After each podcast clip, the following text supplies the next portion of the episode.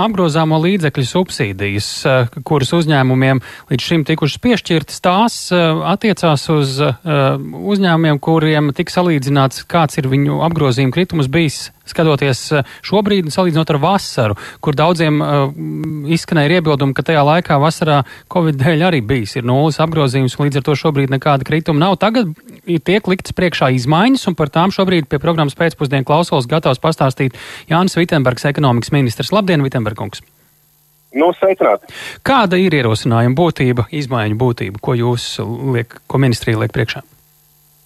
Nu, ir, ir, svarīgi, ka atšķirībā no pavasara, kad eh, mērķis ir eh, šajā, šajā otrajā Covid, COVID viļņu laikā palīdzēt ne tikai darbiniekiem ar šiem digitālus pabalstiem un darba algas subsīdijām uzņēmumiem, kas, kur darbinieki strādā daļēji, ja, un šīs, šīs atbalsts jau strādā un uh, pēc vidu datiem vairāk kā 4000 jau ir pieteikušies un uh, ir jau saņēmuši un drīzumā saņems šo atbalstu. Taču ir svarīgi, ka šajā rudens uh, ziemas sezonā, kad komunālie maksājumi uzņēmumiem ir pietiekami lieli, ir iespējams arī nu, apgrozāmie līdzekļi uh, arī, arī pašiem uzņēmumiem. Un, uh, tad, tas mūsu piedāvātais modelis ir tāds, ka šie uzņēmumi, kuriem apgrozījums ir kritis pret iepriekšējiem trīs mēnešiem, uh, 20%, dažādu nozaru uzņēmumu, visu mūsu tautsēmniecību, jo ierobežojumi tiešām skar plašu uzņēmumu loku, ja, ka viņi var kvalificēties un šo, šo atbalstu uh, dabūt. Ja, un, uh, ir uh, veikts nelielas korekcijas, ka tiek salīdzināts arī šis atbalsts par iepriekšējo gadu, mēnesis par tekošo mēnesi, lai izslēgtu šo sezonalitātes uh, raksturu, uh, jo ir virkne uzņēmumu, virkne nozars, kurām uh, apgrozījums krīt rudens ziemas sezonā katru gadu. Un, eh, ir pamatots eh, bažas, ja eh, šāds, šāds varbūt kriterijs netiktu izvirzīts, tad mēs nevarētu palīdzēt tiem uzņēmumiem, kur grūtībās nonāca dēļ šīm ierobežojumiem vai dēļ cilvēku paradumu izmaiņām.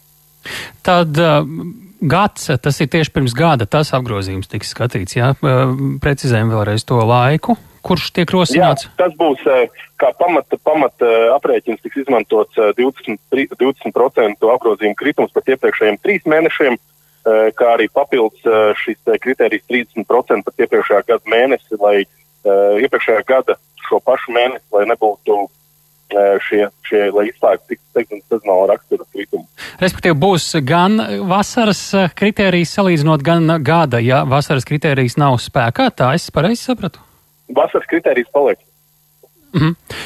Labi. Ir, ir, ir abi, bet eh, šeit mērķis, kā jau teicu, ir, ir, ir svarīgi, ka ir panākt vienošanās, ka ne tikai uh, konkrētām nozarēm, bet visai tautsēmniecībai pieejams šis atbalsts, jo gan, gan ierobežojumi, gan tā situācija mainās nemitīgi, un uh, mēs šeit nevaram runāt par konkrēti kādu nozari, kas ir krīzes skarta, ja skarta ir visa tautsēmniecība, un tie stāsti ir pietiekami dažādi, tā ir svarīgi, ka ir iespēja palīdzēt, palīdzēt plašākam lokam. Šobrīd kāds ir status ierosinājumi? Tas vēl, vēl tiks apstiprināts valdībā vai tagad jau par to ir nobalsots?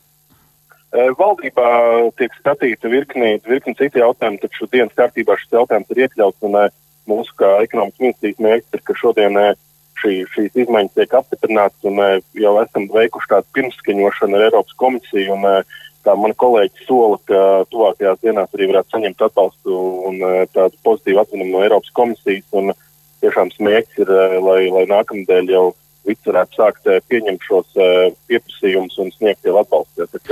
Arī nu, tāpat kā cilvēkiem atbalsts ir svarīgs arī uzņēmumiem. Koalīcijā šobrīd ir ziņas par atbalstu, jeb tas joprojām nav zināms, jo tikpat labi var arī kaut kādiem iemesliem nenobalsot. Kas ar to?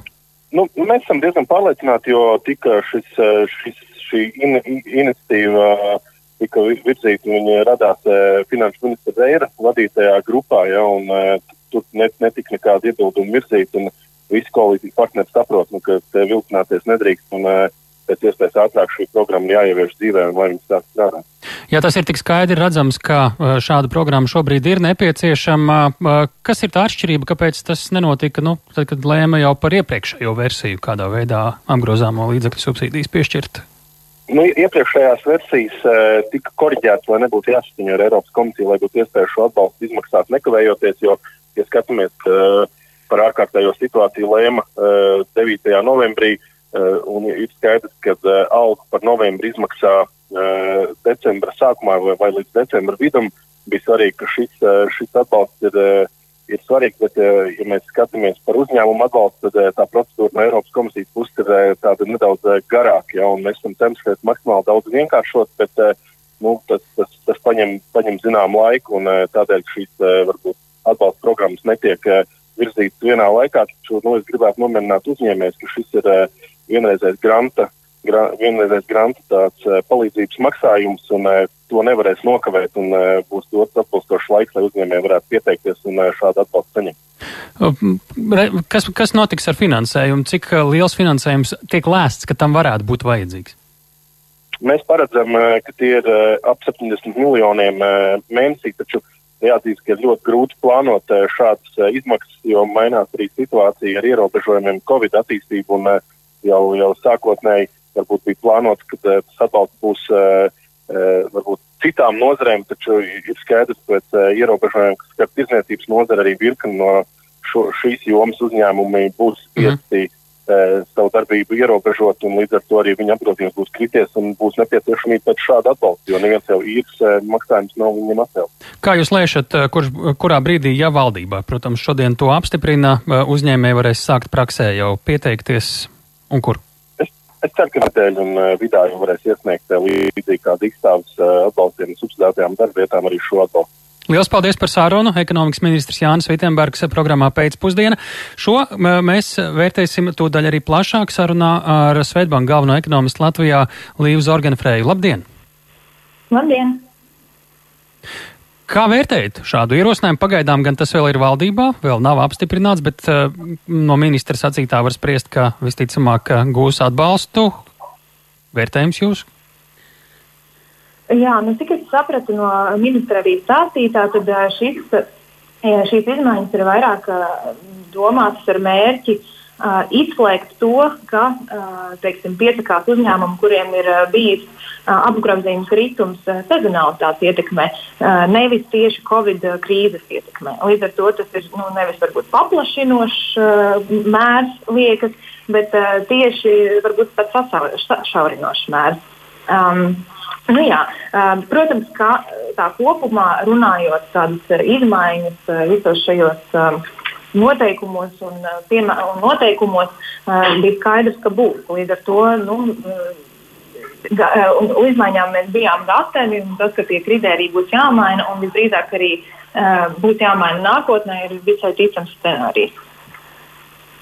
No ministra sacītājs es sapratu, ka tas kritērijs attiecībā uz vasaru, tas joprojām ir spēkā. Šis ir kā papildinājums un Varbūt tomēr arī paplašinājums tam lokam uzņēmēji, kuri var saņemt kādu atbalstu, bet šis tās būs par tādu vienreizēju grantu, kā ministrs sacīja.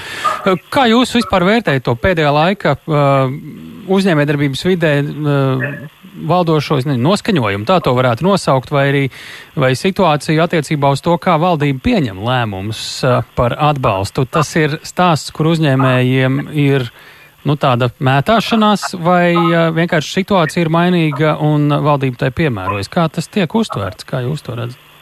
-hmm. un, protams, teorētiski tādā ideālā pasaulē tiktu pieņemti atbalsta noteikumi, kuri būtu visiem pieņemami, un nu, nu, šī, šāda raustīšanās nenotiktu. Un, no vienas puses, skaidrs, ka mēs esam bezprecedenta situācijā. No otras puses, bija jau šī pirmā viņa pieredze, bijusi arī citu valstu pieredze, kuru mēs varējām izmantot. Varējām sagatavoties daudz labāk vasaras laikā, veikt šo mājas darbu, lai šobrīd tas plāns būtu skaidrs un tās atbalsta programmas būtu visiem saprotams. Uh, nu, tā, diemžēl, nav. Līdz ar to šobrīd noteikti labāk ir labot kļūdas, nekā šīs kļūdas ignorēt. Un, nu, tad, līdzīgi kā pirmajā vilnī, mēs esam atkal pie situācijas, ka noteikti labāk ir plašāk atbalstīt un pārāk plaši atbalstīt nekā atbalstīt pārāk maz. Lielas paldies! Svētbanka galvenā ekonomista Latvijā Līva Zorgenefrēja programmā pēcpusdiena.